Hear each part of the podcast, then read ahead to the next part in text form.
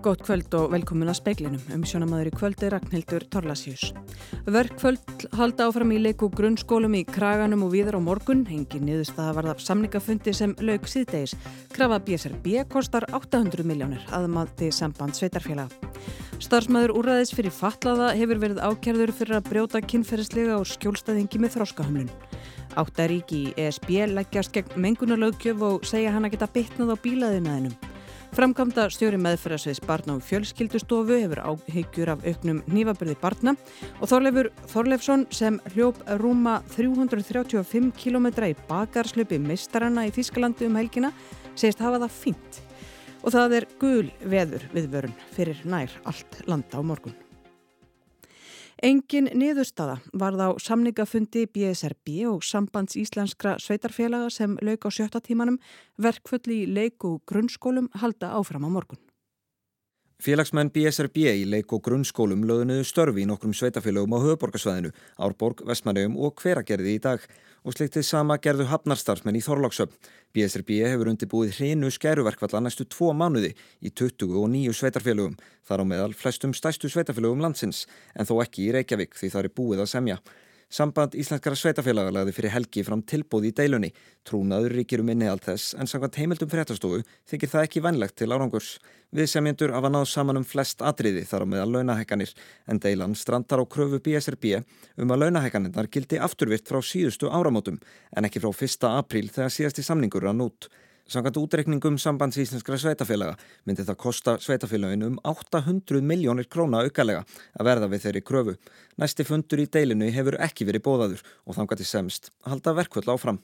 En þetta bitnar mest á yngstu stelpunni sem mætti í hátteginu og mæti beinti kvild og var ekkert sérstaklega satt að hvæðja mig í hátteginu, mjög skrítið að mæta þessum tíma. En þetta gekk, en ég veit ekki hversu lengi þetta mun ganga segir ástildur Kristín Björnsdóttir í Mósfellsbæ. Hún á eitt barn í leikskóla og tvö í grunnskóla og verkvöldin í dag höfðu áhrif á skólastarfi á þeim öllum. Ástildur segir að sem betur fer sé hún í námi og geti því haft börnin heima. En hvernig myndi þið leysa það vandamál ef að eh, hvort ykkar geti verið heima? Við getum það ekki. Það er bara þannig. Eh, við bara erum ekki það heppin að eiga stort bakland þannig að við erum bara svolítið okkur háð. Þannig að annarkvort okkar þurfti bara að vera heima og missa og vinnu og ástildur gaggrínir sveitarfélögin fyrir upplýsingagjöf. Það sem ég er pyrrið á er bara skortur á upplýsingaflæði. Það, maður sér hverki bóða til fundar, veist, það var bóða til fundar í dag, klukkan þrjú með stuttum fyrirvara. Ég væri bara til í að geta fengið betri upplýsingar um þetta. Af því að það er erfitt að skipulegja sig með bara og vita ekkert næstu daga. Sagði ástildur Kristín Björnsdóttir í viðtali við Benedikt Sigursson. Alexander Kristjánsson sagði frá. Viðurstofa Íslands hefur gefið út gular veður viðvaranir fyrir mest allt landið á morgun. Fólk er hvað til að festa trampolín, grill og aðra sumar lausamunni áður en stormurinn skellur á. Fyrstu viðvaranir taka gildi klukkan 6 í fyrramálið. Marcel de Vries, veðurfræðingur á viðstofinni, varar ferðalanga fyrr. Ferðaveður verður svolítið varasamt sérstaklega svona fjallvegum með mikið vindur og, og með slittu jél og hakjél það er bara varasamt ferðaveður í þessi svæði.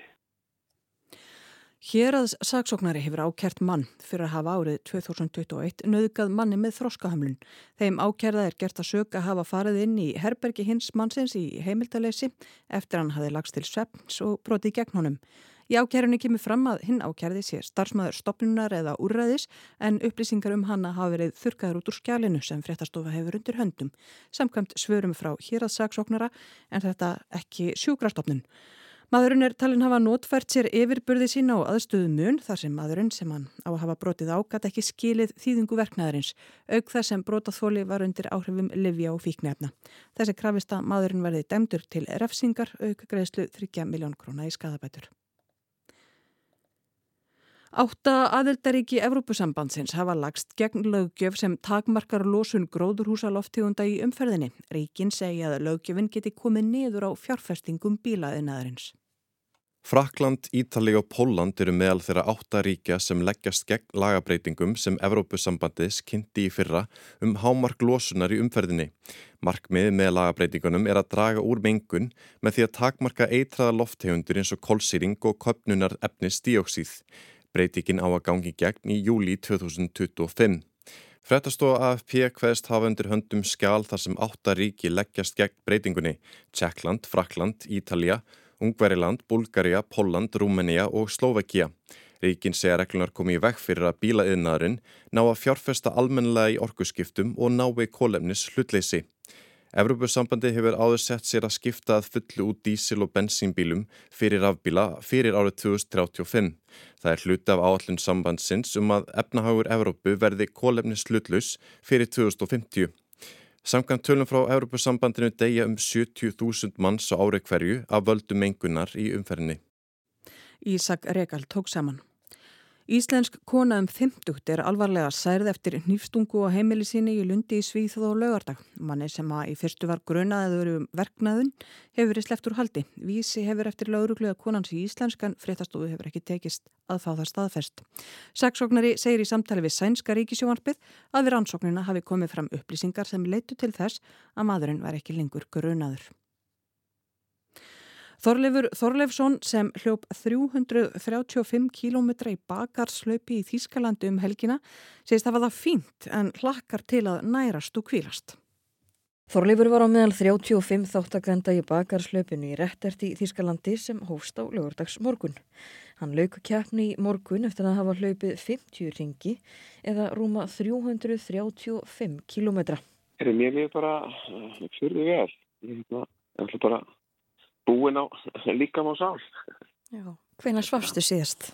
Herði ég, uh, hér, sá bara nóttina fyrir, fyrir lögdægin. Að undanskildum örfá mínútum af og til í hlaupinu. Þorleifur líkir hlaupinu við rússýbana, andlegan og líkamlegan, en segist hafa liðið vel nær allan tíman. Koma ringir þar sem er mjög slæmur í maganum og þá rinni kannski mikka intöku á ákvæmleiknum og svo leiðist. Hann fór síðan að finna fyrir andlegu hliðinni þegar hann var komin um 300 kilometra þá var ég alveg bara kom inn eftir bestu þessu sjöndi held ég, raunni hágrátandi og síðan er ég bara algjörlega tilbúin að hætta en ég fæ ekkert að gera það. Líkaminn sagði hins vegar stopp fljótlega eftir það og Þorleifur hafnaði í alleftasæti. Hann segist hafa stemt á að ná 48 til 60 ringjum eða alltaf 400 kílometrum. Hann er sáttur við árangurinn og stefnir nú á heimsmyndstaramótið í bakarslaupi. En fyrst matur og söfn. Konan og dóttir hérna, það fór að sækja hérna pizza undan mér. Mér ætla að fá mér að borða og sjá hvort ég ná og svo aðeins að leggja mig aftur. Saði Þorleifur Þorleifsson í viðtali við sunnu Karin Sigurþórsdóttur. Livjamaðferð sem dregur úr taugaskaða með því að virkja kæliferli frumna við alvarleg veikindi var hlutskörpust í samkjafni um nýsköpunarvelun Háskóla Íslands í dag. Aðstandendu verkefnisins. Profesor og tveir doktorsnemar við, við Læknadeilt Háskóla Íslands hlutu samtals 2,5 miljón króna í velunafíð.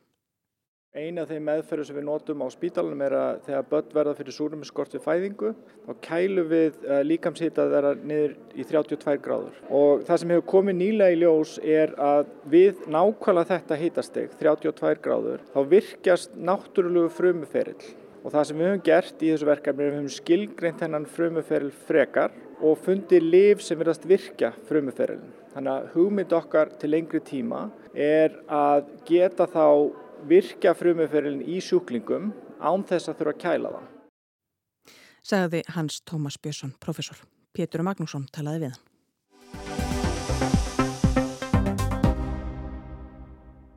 Í fréttum Rúvi gær kom fram að á fyrstu þremur mánuðum þessa árs hafi barnavernd Reykjavíkur borist um 100 tilkynningar um barn sem beitir ofbeldi. En síðustu fjór til fimm ár hafa þetta verið 50 til 60 tilkynningar á jafn löngu tímabili. Þetta kemur fram í tölum frá barnavernd Reykjavíkur og aukningin er sláandi. Funni Sigursson, framkvæmda stjóri meðferðasviðs barna og fjölskyldustofu, ykkur hafa borist þessar tölur, er það ekki? Við höfum fengið þessar fregnir. Hvað er að gerast? Það er auðvitað samblanda ímsu. Við höfum haft ímsa kenningar um það. Einn hefur náttúrulega bara verið að þetta sé einhver svona áhrif af COVID sem er náttúrulega þægilegt að grýpa í þegar maður veit ekki alveg. Það er líka í úlinga heiminum oft verða svona trend og verða meira af einhverju ákveðnum tím, tímapunktum. Við hefum síðan þetta varandi neyslu úlinga og ímislegt svona, þú veist þetta kemur svona bylgjum og það verðist vera allavega einhver bylgja núna varandi ofbeldi ofbeldustilkynning til barnavendar mm. er þetta slagsmála skólalóð eða er þetta árás, er þetta alvarlega skipulaðara? Sko ég held að skólanir séu nú nokkuð skýrir á því að vera ekki tilkynna minni áttar hlutiði og ég er ekki að gera lítur óbeldi í neinum skilningi en, en það, þú veist, það sem gerir svona almennt á skólaðinu held ég sé ekki verið að tilkynna þegar það er eitthvað smótteri.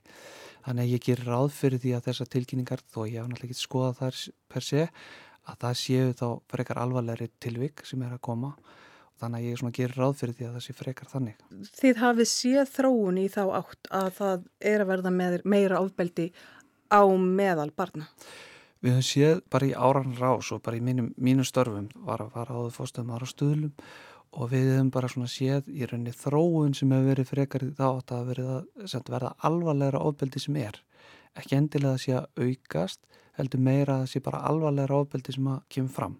Þannig að það er svona einhver þróun undan farin ára. Þetta er bara svona verið hægt og bítandi að verða alvarlegra. Flestir krakkar sér þetta í góðum málum en þeir sem að eru að færast út af beinubrautinni að þeir eru í alvarlegri málum.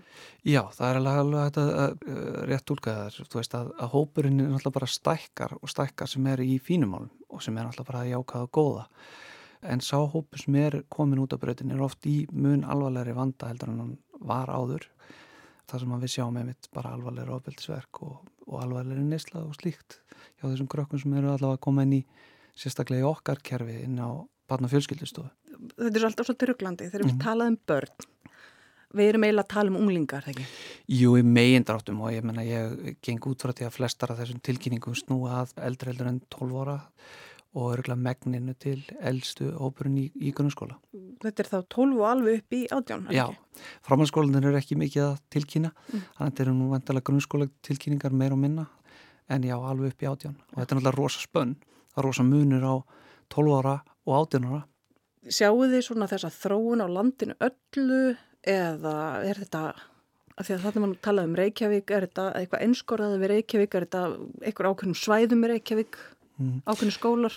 Sko, sko barnandur ekki ekkur og, og ég veit til þess bara að þeir alltaf rýna í rauninni frekar í þessa tölu til þess að reyna átt að sem er á því hvort þetta sé ákveðin eh, hverfi eða ákveðin skólar eða eitthvað slíkt. Það sem bara veriðist gerast oft í þessum svona ofbeldismálum og í fleiri svona að þetta, sko þessi krakka dragast að hver öðru og með öllum samfélagsmiðlunum og allt það þá er alltaf mjög auðvelt að miðla öllu á milli og þau, þau þekkjast öll ymbirðis einhvern veginn á einhvern skrítin hátt. Varandi ofbeldistilvíkinu og þetta verður oft svona staðbundið þó þetta séu börn jafnvel allstaðar að. Og nú er ég að tala um ekki, ekki það sem tengis beint skólunum, heldur bara svona ofbeldi almennt sem er að eiga sér stað, þú veist þetta er alvarlega ofbeldi að þá getur við jafnvel verið bara að koma frá selfósi til Reykjavík í þeim erindagjörðum að komast í eitthvað fjör sko innan veist að hitt eitthvað aðra og það sem að eitthvað er í gangi. Einu sinni var alltaf farinir á Hallarísplan, eitthvað tíman var, voru allir nýri í Östustræti. Já, þetta flæði, flæðir, það verða kannski einhver ákveðin hverjuslutar meira var við þetta ákveðin tíma en það er ekkit endilega það að það séu all börnin sem eru þar, þetta tengis börnin sem eru þar. Mm að þau eru að koma allstaðar að jafnvel. og við sjáum líka bara, ég var alveg svona í, í mín, mínu störnum en það var að síða ákveðin trend bara að verið minni hérna, bæjarfélag út út á landi að sem hafi verið einhver bylgja og svo bara tekið á því og slögt á þeirri eðun og svo færist það eitthvað annað þannig ég held að þetta sé ekki bundi sko, maður get ekki svona pinpoint að þetta sé, að sé allt vesinið er, í, er hérna eða þarna sko. Hvað er verið að gera? Eða er verið að gera eitthvað? Já, það er nú bara heil hellingu verið að gera og með þá vittnesku sem ég hef þá er bara verið að vinna ansið mikið á góðu starfi.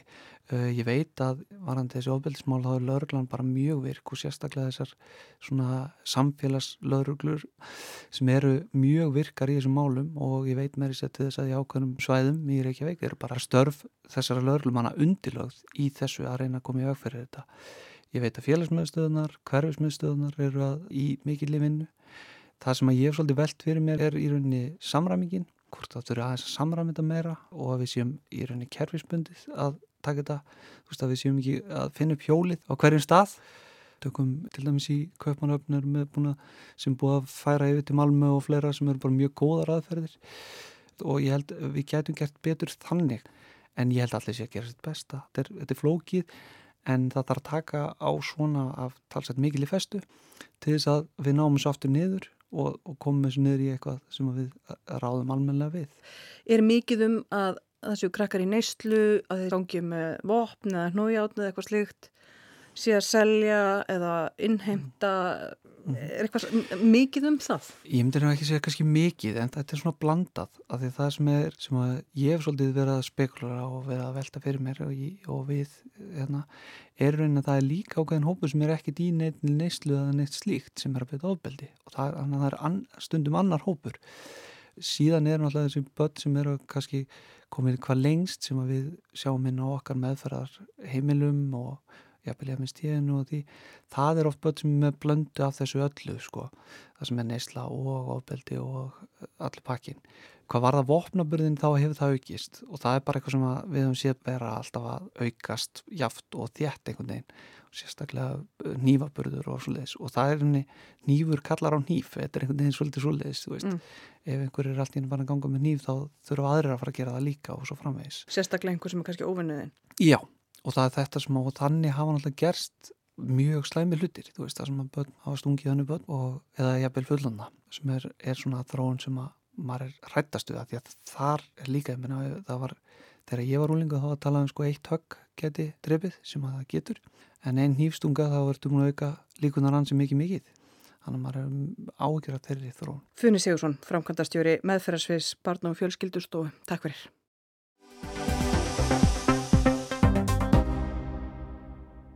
Mánuðum saman báðu úkrænsk stjórnvöld vesturveldinum að senda sér bandarískar F-16 orustu þóttur til að reka innrásarlið rúsa af höndum sér.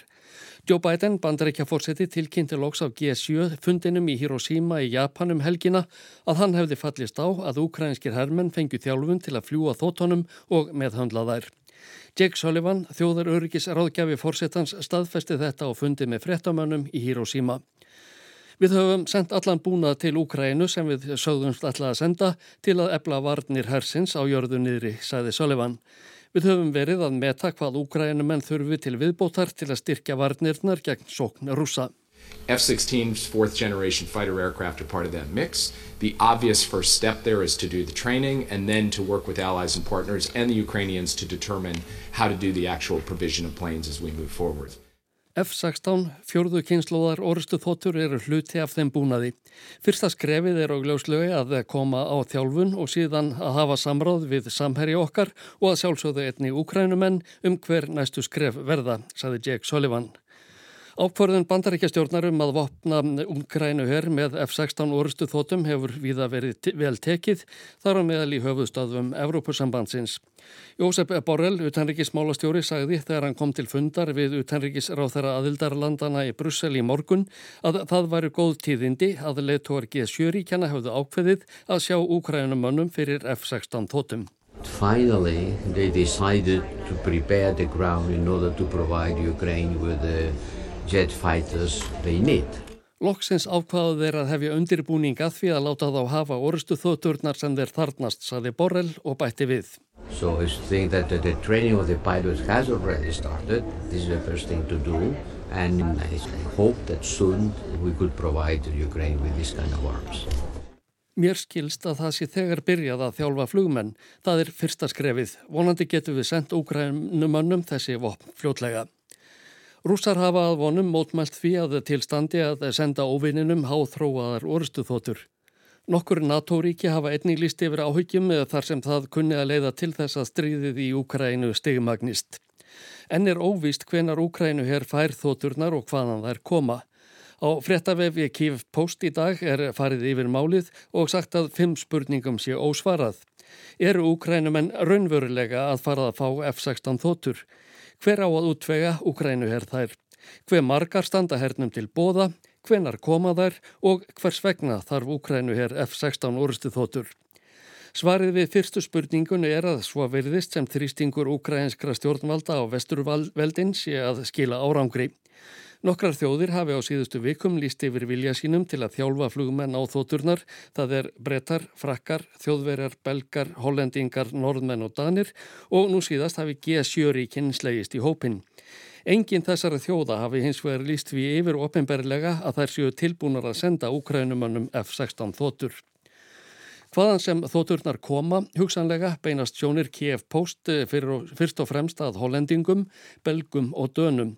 Þá er minnst á að norðumenn hafi tilkynnt að þeir ætli að skipta út F-16 þótum sínum fyrir nútímalegri F-35 þótur.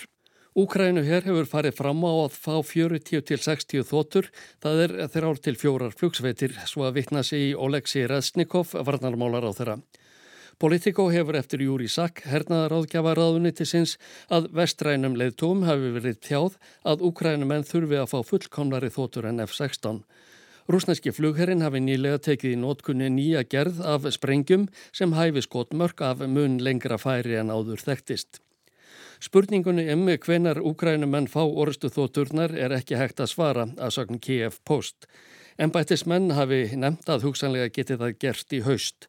Flugmennina þurfi að þjálfa í 2-6 mánuði en raunar beri heimildum ekki saman um hver langan tíma það tekur. Lokaspurningin er hvers vegna Úkrænu her telur sig þurfa að fá vestrænar orðstu þótur. Frá því að innrás rúsa hófst hefur eh, um það byl 60 úkrænskum þótum verið grandað. Flugflotinn er talin úreldur enda frá sovjet tímanum. Með F-16 þótum aukist hernaðarmáttur flughersins til muna. Ekki veiti af þar sem rúsar hafi í auknum mæli beitti langdrægum eldflugum frá sprengjuflugvilum sínum. Áhrifaríkasta leiðin til að verjast þeim sé að styrkja varnirnar með betri flugvilaflota en er fyrir hendi. Ásker Tómasson saði frá.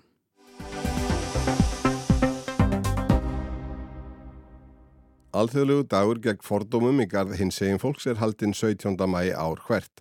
Hér á landi hefur staða hins eginn fólks almennt farið batnandi undanfærin ár og áratugi og á það jamt við um formlega stöðu þeirra og réttindi samkvæmt lögum og viðurkenningu þeirra og stöðu í samfélaginu.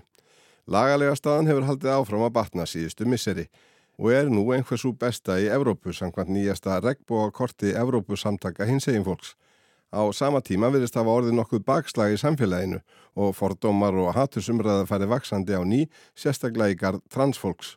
Til skams tíma virtist íslenskur almenningur mun tilbúinari til þess að jafna hlut hins eginn fólks á öllum sviðum samfélagsins en lögjafinn og kerfið, en nú er engu líkar en að þetta hafi snúist við. Álfur Birkir Bjarnason er formaður samtakana 78, félags hins eginn fólks á Íslandi. Það má ég myndi segja að réttindi hins eginn fólks á, á Íslandi sérstaklega hafi verið drifin áfram, áfram af samfélaginu öllu, uh, náttúrulega tilstölan samtakana 78 mikið til, en að lagalegu réttindin hafi kannski svona, komið eftir á, eftir samfélaginu.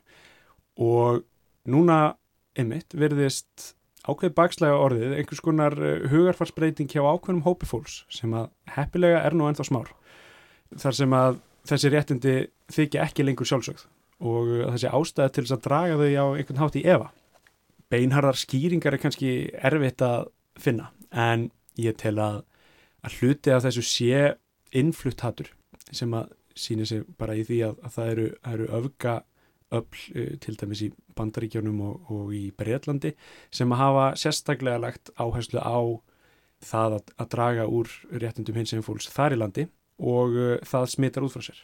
Þessi öll ætla alls ekki að hætta við hins eginn fólk. Þau, þau stefna á, á í fyrsta lagi allt hins eginn fólk, ekki bara transfólk og ekki bara Eh, einhvers konar jáðars, sérstaklega jáðarsett fólk heldur á allt hins einn fólk, homo, lesbíur og tvíkiritt fólk líka og síðan á, á kvennitindarhæfinguna og á, á kvenn réttindi þannig að þetta er svolítið svona innfluttur ángi þaðan að hluta til en svo að einhverju leiti þá er þetta líka bara eðlilegur hluti þegar lagaleg réttindi eru í höfn eða það sem við myndum kalla já, í höfn, í byli þá er einhver hluti af fólki sem vaknar og átt að sjá því byrju en, en hérna, ég skilja þetta ekki og af hverju þurfaðu þetta og, og eru tilbúin að fara í einhvers konar baglás og, og, hérna, og berjast gegn þessu. Og þetta höfum við séð í, í allri réttindabaratu í gegnum söguna.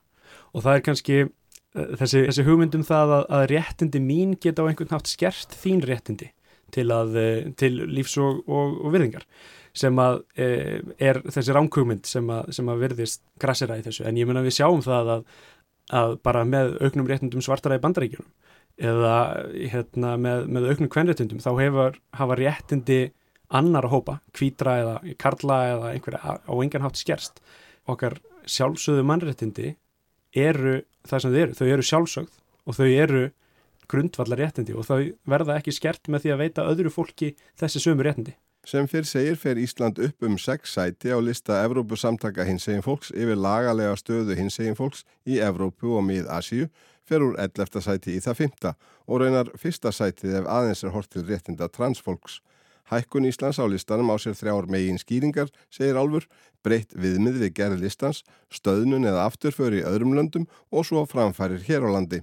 Daniel E. Arnarsson, framkvæmdastjóri samtakana 78, sagði í fréttum útvars á dögunum að þær framfærir fælust engum í því að kynvitund, kynneigð, kynenginum og kyntjáningu hafi verið bætt inn í lögjöf gegn mismunum og svo því að ríkistjórnin og alþingi hafi samþygt aðgerða áallun í málefnum hins egin fólks.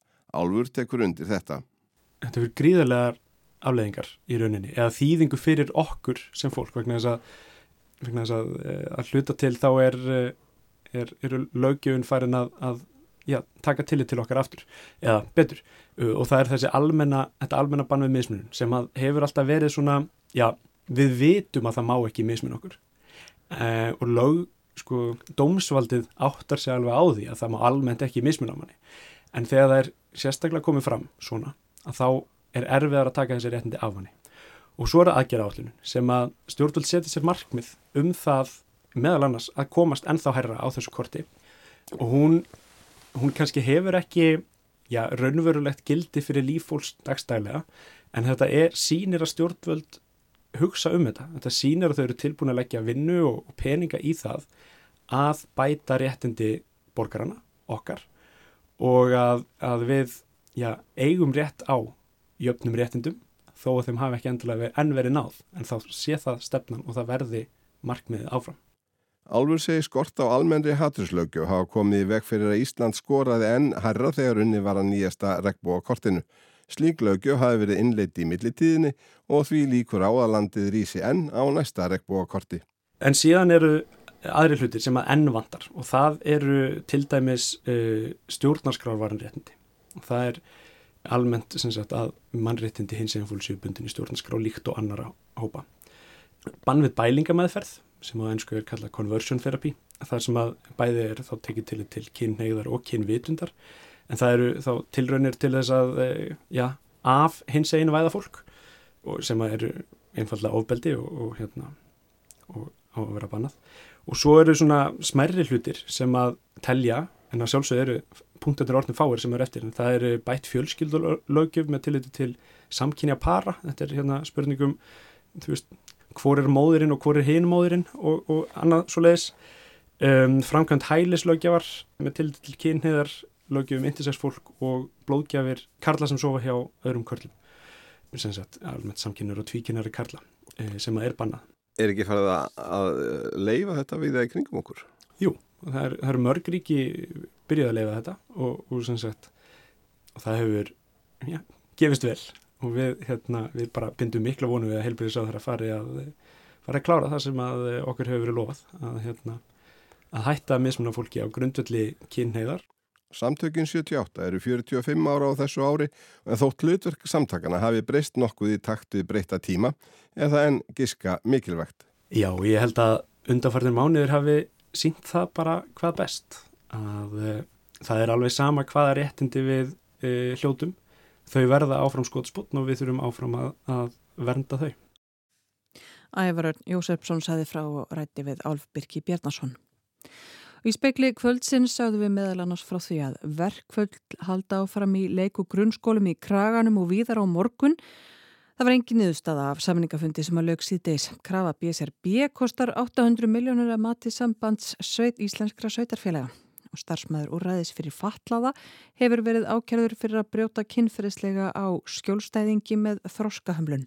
Áttar ekki í ESB leggjast gegn mingunarlaugjöf og segja hann að geta bytnað á bílaðinaðinum og veðurhorfur á landinu til miðnættis annað kvöld. Það er gul veður viðvörun fyrir nær allt landið á morgun. Suðvestan kvassviðri eða stormur með skúrum, hagliða, slítujéljum en heldur hægari og úrkomulítið norðaustalands hiti 5-15 steg hlýjast á norðausturlandi. Tæknumæður í speiklinum í kvöld var Mark Eldred, Margret Júlia Ingimarsdóttir stjórnaði frétta útsendingu, fréttinast í sjómarpjóður ástöðu klukkan 7, útvarsfréttir klukkan 10 og fréttir alltaf á vefnum. Verðið sæl.